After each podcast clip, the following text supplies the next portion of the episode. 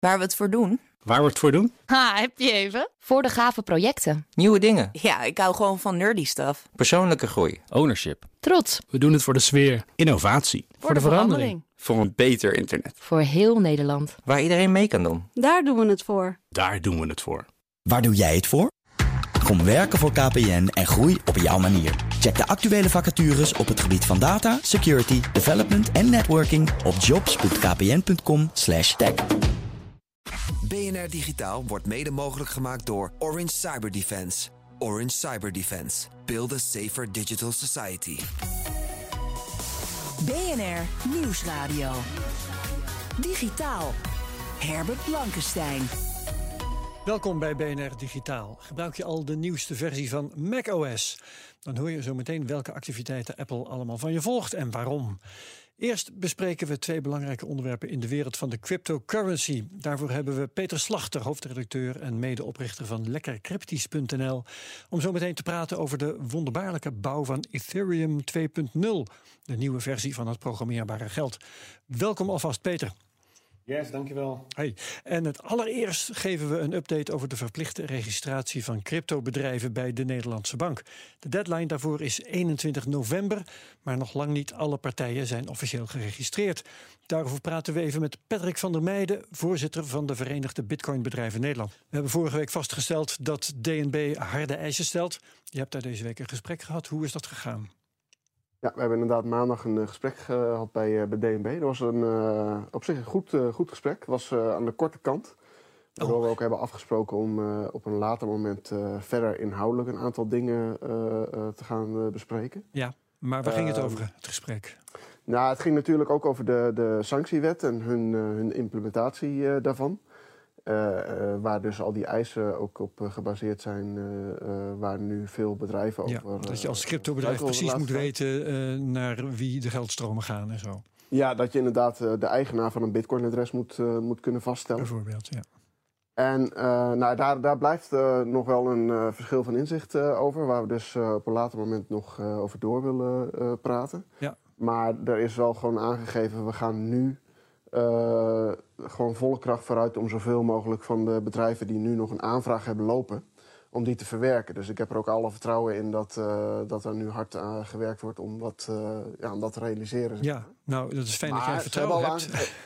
Sorry? nou, ik zeg het is fijn dat jij vertrouwen hebt. Maar als ik kijk naar het aantal registraties. 38 bedrijven wilden een registratie. Op dit moment staat de teller op 9. Ja, klopt inderdaad. Er staat op 9, dus er moet nog aardig wat gebeuren. Uh, ik heb ook alweer begrepen dat er een paar uh, de registratieaanvragen hebben ingetrokken. Dus uh, het zijn er weer iets minder geworden dan die 38. Eigenlijk ook slecht nieuws. Dat is zeker slecht nieuws, ja. Ehm, maar ze hebben ook al aangegeven, we gaan niet het restant van, van de aanvragen allemaal voor 21 november kunnen registreren. Nee. Maar ze nemen zelf contact op met de partijen waarvan ze denken dat ze die kort na 21 november alsnog een registratie kunnen, uh, kunnen geven, zeg maar. Ja, en wat moeten die bedrijven dan in de tussentijd doen, is de vraag, de grote vraag. Natuurlijk. Ja, precies. Nou, dat, uh, die, uh, ja, dat, dat, daar wordt dus contact over opgenomen met die partijen, tussen hmm. DNB en die partijen individueel. Maar het lijkt erop dat dan die 21 november deadline niet zo hard is als dat ja, dat met andere woorden. Ja, ik, ik, ik hoorde je even niet, maar het komt erop neer dat, uh, dat de Nederlandse bank dan uh, misschien voorzichtig de andere kant op kijkt of zo. Ja, ze, ze gaan in ieder geval nu vol focus uh, met die registraties aan, de, aan de gang. En dus niet meteen op 22 november met, met de handhaving. Nee, zo druk met registreren dat ze even niks aan. Dat is misschien mooi. even naar Peter Slachter, die luistert mee. Je hebt het natuurlijk ook allemaal gevolgd. Ja, ja. Wat is jou het meest opgevallen aan die hele registratiekwestie? Ja, ik, ik, ik heb er heel dubbel gevoel aan overgehouden. Ik vind, ik vind het schrijnend en beschamend aan de ene kant hoe overheid en toezichthouders zich hebben opgesteld ten aanzien van de sector. Een minister die in de Kamer toezeggingen heeft gedaan, niet zijn nagekomen. Uh, om de wetgeving door de Kamers heen te loodsen. Een toezichthouder die in de wet opgenomen registratieplicht heeft omgebogen naar een veel zwaarder en verkapt vergunningsregime. Eh, verstrekkende gevolgen voor innovatieve en kleine ondernemers die ja, de facto gewoon hun werk niet meer kunnen voortzetten. Ja, waarvan een aantal zijn gestopt. Afgelopen. En... Precies, en dan heb je ook nog die, die, um, die extra eisen die bij de sector zijn neergelegd, waarvan de juridische, juridische gronden ook discutabel zijn. Het laat bij mij nogal een bittere uh, smaak achter. Ja. Ehm, ik wil er wel bij zeggen, de andere kant van dezelfde medaille is dat zo'n register ehm, de betrouwbaarheid van de sector wel vergroot. En wat ik eigenlijk hoop, ehm, dan, dan toch wel die hoop dat de, de Nederlandse bank, de toezichthouder in de sector, toenadering zoeken om samen uit te vinden eh, op welke manier ze het beste invulling kunnen geven dan aan de geest van de wet. Hè, voor, voor ondernemer, toezichthouder en de klant. Dat, Ja. dat, dat zou mooi zijn. Ja, inderdaad. Ja, dat is zeker ook waar we natuurlijk op zullen inzetten om eh, voor alle partijen een eh, zo goed mogelijk resultaat eh, te, te behalen. We zijn, we zijn nu in ieder geval in gesprek. Dus dat is, eh, dat is al iets wat we de afgelopen tijd eh, dan eh, eh, als winst kunnen, kunnen boeken. Maar nu ligt echt die focus op, eh, op die registraties afhandelen. Oké. Eh, Patrick, blijf er even bij. We gaan het over Ethereum 2.0 hebben. Daar eh, heb jij misschien ook nog wel wat over te melden. Eerst even naar Peter Slachter, want die is daarvoor gekomen. Ehm, wat eh, zijn de kenmerken eigenlijk van Ethereum, even zonder de 2.0 in die wereld van cryptocurrency? Wat is de positie van Ethereum? Ja, dus eigenlijk is de vraag: wat is Ethereum? Ehm Ja. Zouden we eigenlijk eerst even een stapje terug moeten doen naar, naar de basis van alle cryptovaluten, dat is Bitcoin. Eh, Bitcoin is digitaal geld. Ehm, en dat, zoals je weet, makkelijk verplaatsbaar, vergaat niet, is deelbaar, inwisselbaar, herkenbaar. Je kan ermee ruilen, rekenen, sparen. En op dit moment vervult hij de laatste functie het best. En dan volgt de crux, en dat werkt allemaal zonder dat er een centrale autoriteit voor nodig is. Ja. Het enige wat je hoeft te vertrouwen is de wiskunde en de code eh, waarop het systeem is gebaseerd. En daaruit volgen een aantal kwaliteiten. Eh, bijvoorbeeld dat het open is, iedereen kan meedoen, het is neutraal, niemand is de baas over Bitcoin. En censuur is onmogelijk. Het biedt privacy en vrijheid, je bent namelijk je eigen bank en je houdt alle gevoelige ge- gegevens bij jezelf. Eh, nou, dan, dan het brug naar Ethereum toe. Eh, wat Bitcoin heeft gedaan voor geld, wil Ethereum doen voor applicaties. Dat noemen ze decentrale applicaties, dApps. Dat zijn applicaties waarvan de code wordt uitgevoerd door een decentraal netwerk, een peer-to-peer netwerk. Het uitvoeren van die code levert kleine transacties op waarmee het resultaat van zo'n eh, transactie wordt vastgelegd. En, en daarvoor betalen mensen, dat gebeurt met Ether, dat is de munt die bij Ethereum hoort. Ja. Enfin, hè, dat geheel leidt dan tot applicaties met, met de kwaliteiten die we kennen van Bitcoin. Ze zijn namelijk niet offline te halen, ze bieden privacy, ze zijn niet te censureren. Ehm, het maakt sjoemelen met gegevens lastig en het gedrag van de applicatie zelf is verifieerbaar. Eh, nou, die propositie heeft Ethereum best wel eh, een belangrijke positie gegeven in de markt. Dus in 2015 gelanceerd. En heeft sindsdien veel waarde gevangen. Het is eh, toch wel de stevigste nummer 2 van de cryptomarkt. Eh, wat gaat er in Ethereum 2.0 veranderen? Waar is die upgrade voor nodig? Ehm, nou, wat het punt is, het komt steeds vaker voor dat er meer mensen gebruik maken van die dApps dan waar Ethereum geschikt voor is. Eigenlijk krijg je dan een opstopping van transacties en die wachten allemaal om verwerkt te worden. En dat heeft twee grote nadelen. Eén, logisch, het duurt dan langer voordat zo'n transactie verwerkt wordt. En twee, eh, de kosten voor het verwerken van zo'n transactie lopen hoog op, onaanvaardbaar hoog. En dat wordt eh, toch wel allebei als een fataal manco gezien. Ehm, en want de werking van die decentrale applicaties die is vaak afhankelijk van kleine betalingen, microtransacties.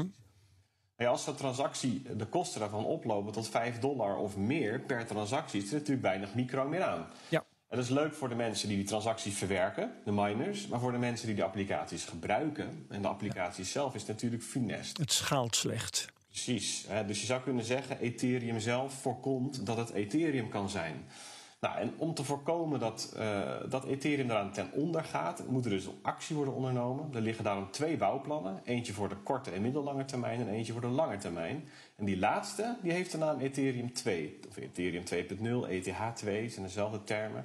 Ehm, en, en dat plan geeft ervoor uitzicht op een netwerk dat de vraag kan verwerken, die past bij wat door moet gaan, wat ze zelf noemen de computer van de wereld. Ja, en en mensen die ehm, Ethereum gebruiken of Ethereum hebben, hè, de, de munt, eh, kortom de crypto belangstellen, wat betekent deze stap, deze overgang van Ethereum voor hun? Ehm, nou, eigenlijk eh, niet zo heel veel. Het is eigenlijk beter om de vraag om te draaien. Wie zijn eigenlijk de mensen die nu iets met Ethereum 2 moeten? Ehm, Zie het even als een bouwplaats waar het werk nog in volle gang is. En die bouwplaats die is primair relevant voor bedrijven ehm, die afhankelijk zijn van Ethereum, die er dus nu mee bezig zijn. Ehm, als dienstverlener bijvoorbeeld, of daar dienst op hebben draaien. En ontwikkelaars die ermee werken, of die er dingen voor bouwen. Er is ook een groep early adopters die aan het ontwikkelproces willen deel- deelnemen. Bijvoorbeeld om te helpen bij de totstandkoming van dat nieuwe netwerk. Eh, of om zich bloot te stellen aan de mogelijkheid om er wat aan te verdienen. Ehm, maar voor het gros van de men- mensen geldt, je hoeft helemaal niets te doen. Sterker, eigenlijk is die bouw pas geslaagd als eh, zij na de afronding niet eens hebben gemerkt dat er aan Ethereum gesleuteld is. Ja, ja, ja. Eén belangrijk verschil trouwens, je had het over eh, schalen. eh, dat is dat in Ethereum 2.0, als ik het goed begrijp, geen mining meer nodig is. Maar intussen zijn er dus wel nog miners actief. Morren die niet? Ehm, nee, nee. Wat, wat, er, wat er gedaan wordt is. ehm, ja, dit, dit legt zich het beste uit aan de hand van analogie, denk ik. Een analogie over een bus en een trein. Eh, zie de huidige versie van Ethereum even als een rijdende bus. Daar is heel veel aan gesleuteld. Binnen de grenzen van het ontwerp van die bus eh, is er aan de veiligheid en capaciteit en de snelheid eigenlijk weinig meer te winnen. En dat is jammer, want er is veel meer vraag naar transport dan waar die bus in kan voorzien.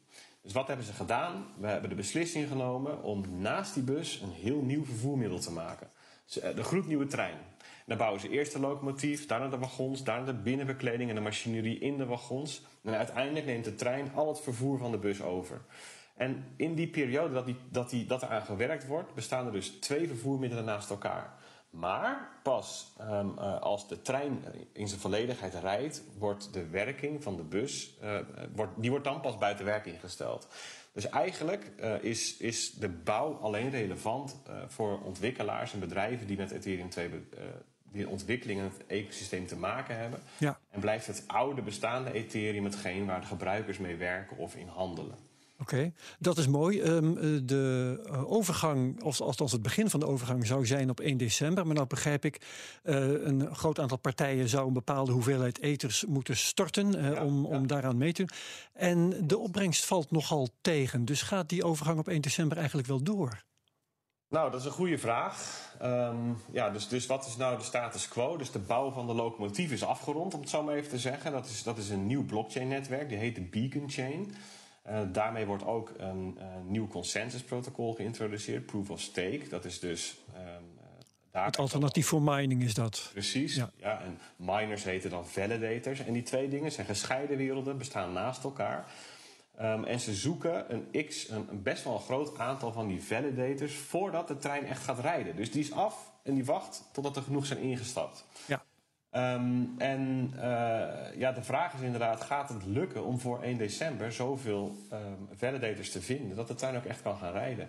Ehm, dus dus eh, ja, de, de incentive voor mensen om deel te nemen eh, is dat, dat ze na, tegenover de risico's die ze nemen om op zo'n in zo'n vroeg stadium al in te stappen, staat een, een opbrengst of beloond voor het werk dat ze dan leveren.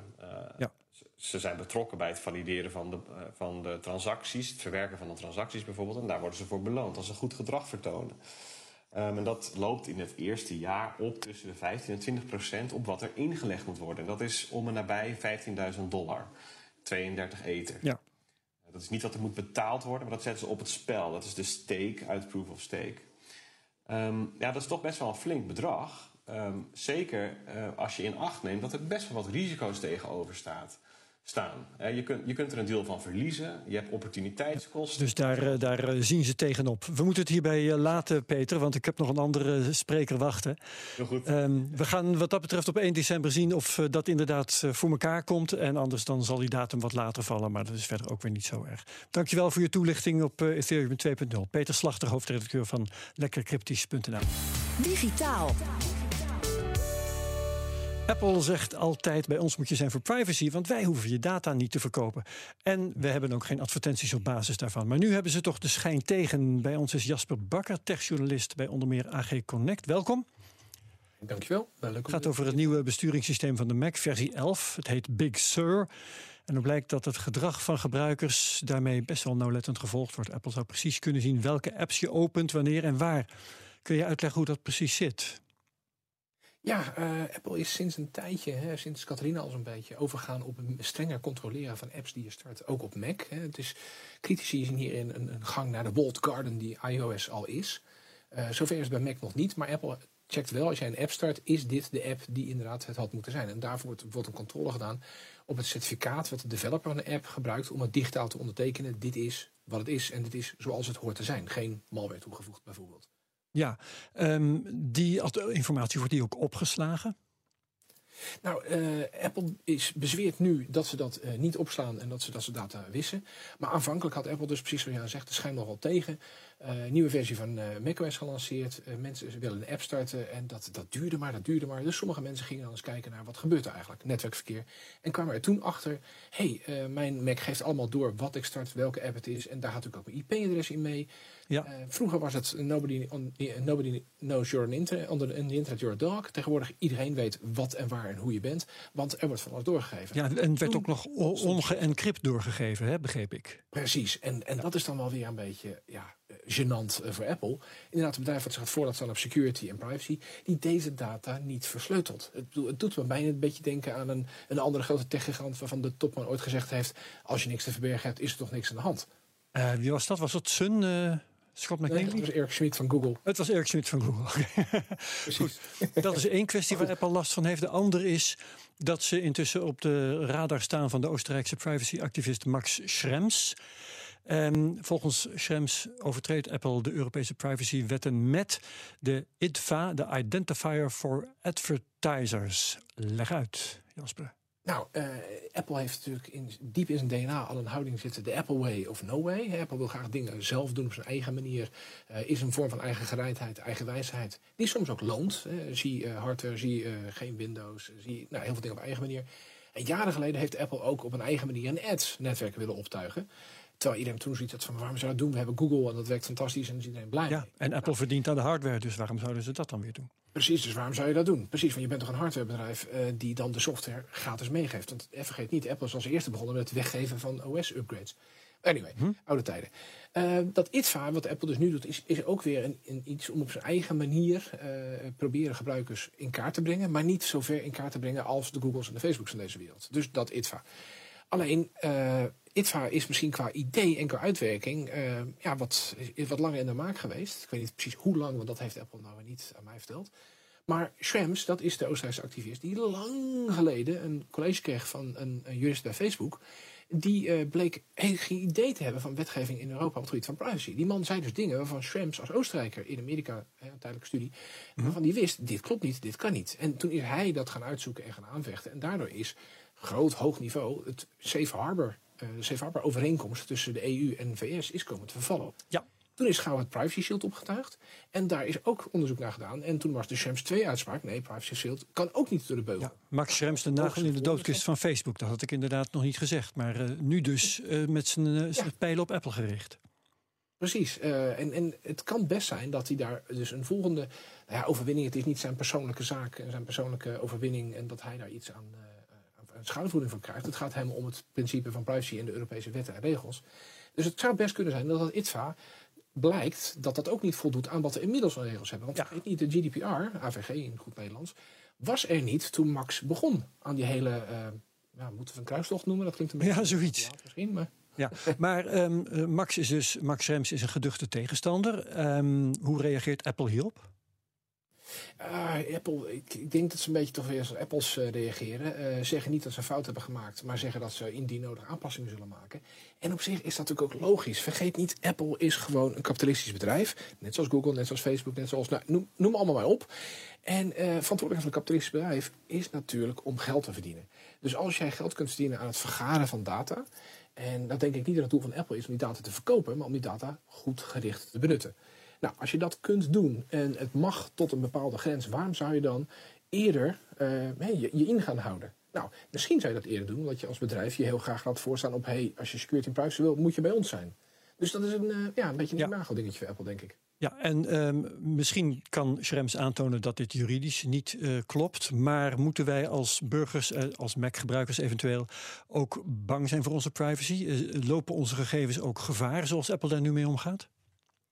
Nou ja, als je kijkt naar, uh, terug naar het eerste deel van ons gesprek. Uh, als je kijkt dat Apple het, checken van welke apps je start en de certificaten daarvan. En dat die data, inclusief jouw IP-adres en het tijdstip en daarmee je locatie, dat dat unencrypted is. Dan denk ik, ja, dan moeten we ons wel een beetje zorgen maken.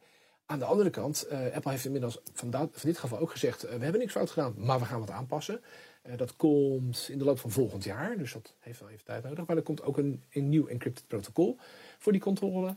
er komt meer bescherming van de serverfarm, waardoor het hele vertragingsproces ontstond en dus dit ding aan het licht komt. Dus Apple toont wel aan dat ze hun gedrag willen veranderen Mhm. voordat ze jullie die op de vingers worden getikt en teruggefloten. Ja, dat is misschien ook wel zo verstandig. Intussen, ehm, als je als Mac-gebruiker je hier zorgen over maakt, eh, kan en moet je dan zelf ook nog wat doen? Nou ja, het kan geen kwaad om eh, bijvoorbeeld eh, eigen tools te installeren. Niet om een reclamepraatje te houden, maar dat, dat doorgeven van die apps die, die je start, dat is aan het licht gekomen doordat een gebruiker de firewall Little Snitch gebruikte. En daarmee kon die ook blokkeren. Het blijkt namelijk dat in Big Sur, en dat is, ja, vind ik weer een minpuntje voor Apple. In Big Sur heeft Apple het onderdeel van macOS wat die controle voor apps uitvoert, als uitzondering toegevoegd. Dus als jij in de standaard firewall van macOS zegt, ja, ik wil het blokkeren, dan kun je dit niet blokkeren. Dus je hebt dan een aanvullend iets nodig. Ja. Ehm, is Apple verder nog erg veel slechter in dit soort zaken dan Microsoft en Google bijvoorbeeld? Eh, nou ja, op dit moment eh, niet zo. De ophef is nu heel erg over Apple, omdat ja, een nieuwe versie macOS en dan komt dit aan het licht. Ja. Terwijl die controle van apps al eigenlijk sinds Catalina speelt, dus dat is al een paar versies geleden. Eh, maar vergeet niet, Windows 10 toen het net uitkwam, dat zat ook vol met datavergaring. En heeft ook zo'n advertentie-dinges, hè? Zo'n eh, Precies. identifier. Microsoft, Microsoft doet al heden in Windows 10 meer aan adverteren dan Apple in macOS doet. Eh nou is het in, in eh, Windows is het meer nog voor, hey, je gebruikt eh, niet onze browser. hey, we hebben Office online waar je, wat je kunt gebruiken. Dus het is een beetje nog reclame voor eigen diensten en producten, maar het is wel reclame. Oké. En ehm, die, dat datavergaren is gaandeweg wel door Microsoft wat teruggeschroefd nadat er naar het ophef afkwam, nadat er kritisch aan gekeken is. Ik dank je wel, Jasper Wakker, voor de toelichting. To- Techjournalist voor onder meer AG Connect. BNR Digitaal kun je terugluisteren via bnr.nl, onze app of waar je ook maar naar je podcasts luistert. En dan vind je ook mijn andere podcasts, de Cryptocast, de Technoloog en Space Cowboys. Wat BNR Digitaal betreft graag tot volgende week. Dag. BNR Digitaal wordt mede mogelijk gemaakt door Orange Cyber Defense. Orange Cyber Defense. Build a safer digital society. Ook Diana Matroos vind je in de BNR-app. Ja, inderdaad. Je kunt live naar mij luisteren tijdens de Big Five. Ook handig in de BNR-app. Breaking nieuwsmeldingen, maar ook het allerlaatste zakelijke nieuws. En je vindt in de app alle BNR-podcasts, waaronder Wetenschap Vandaag. Download nu de gratis BNR-app en blijf scherp.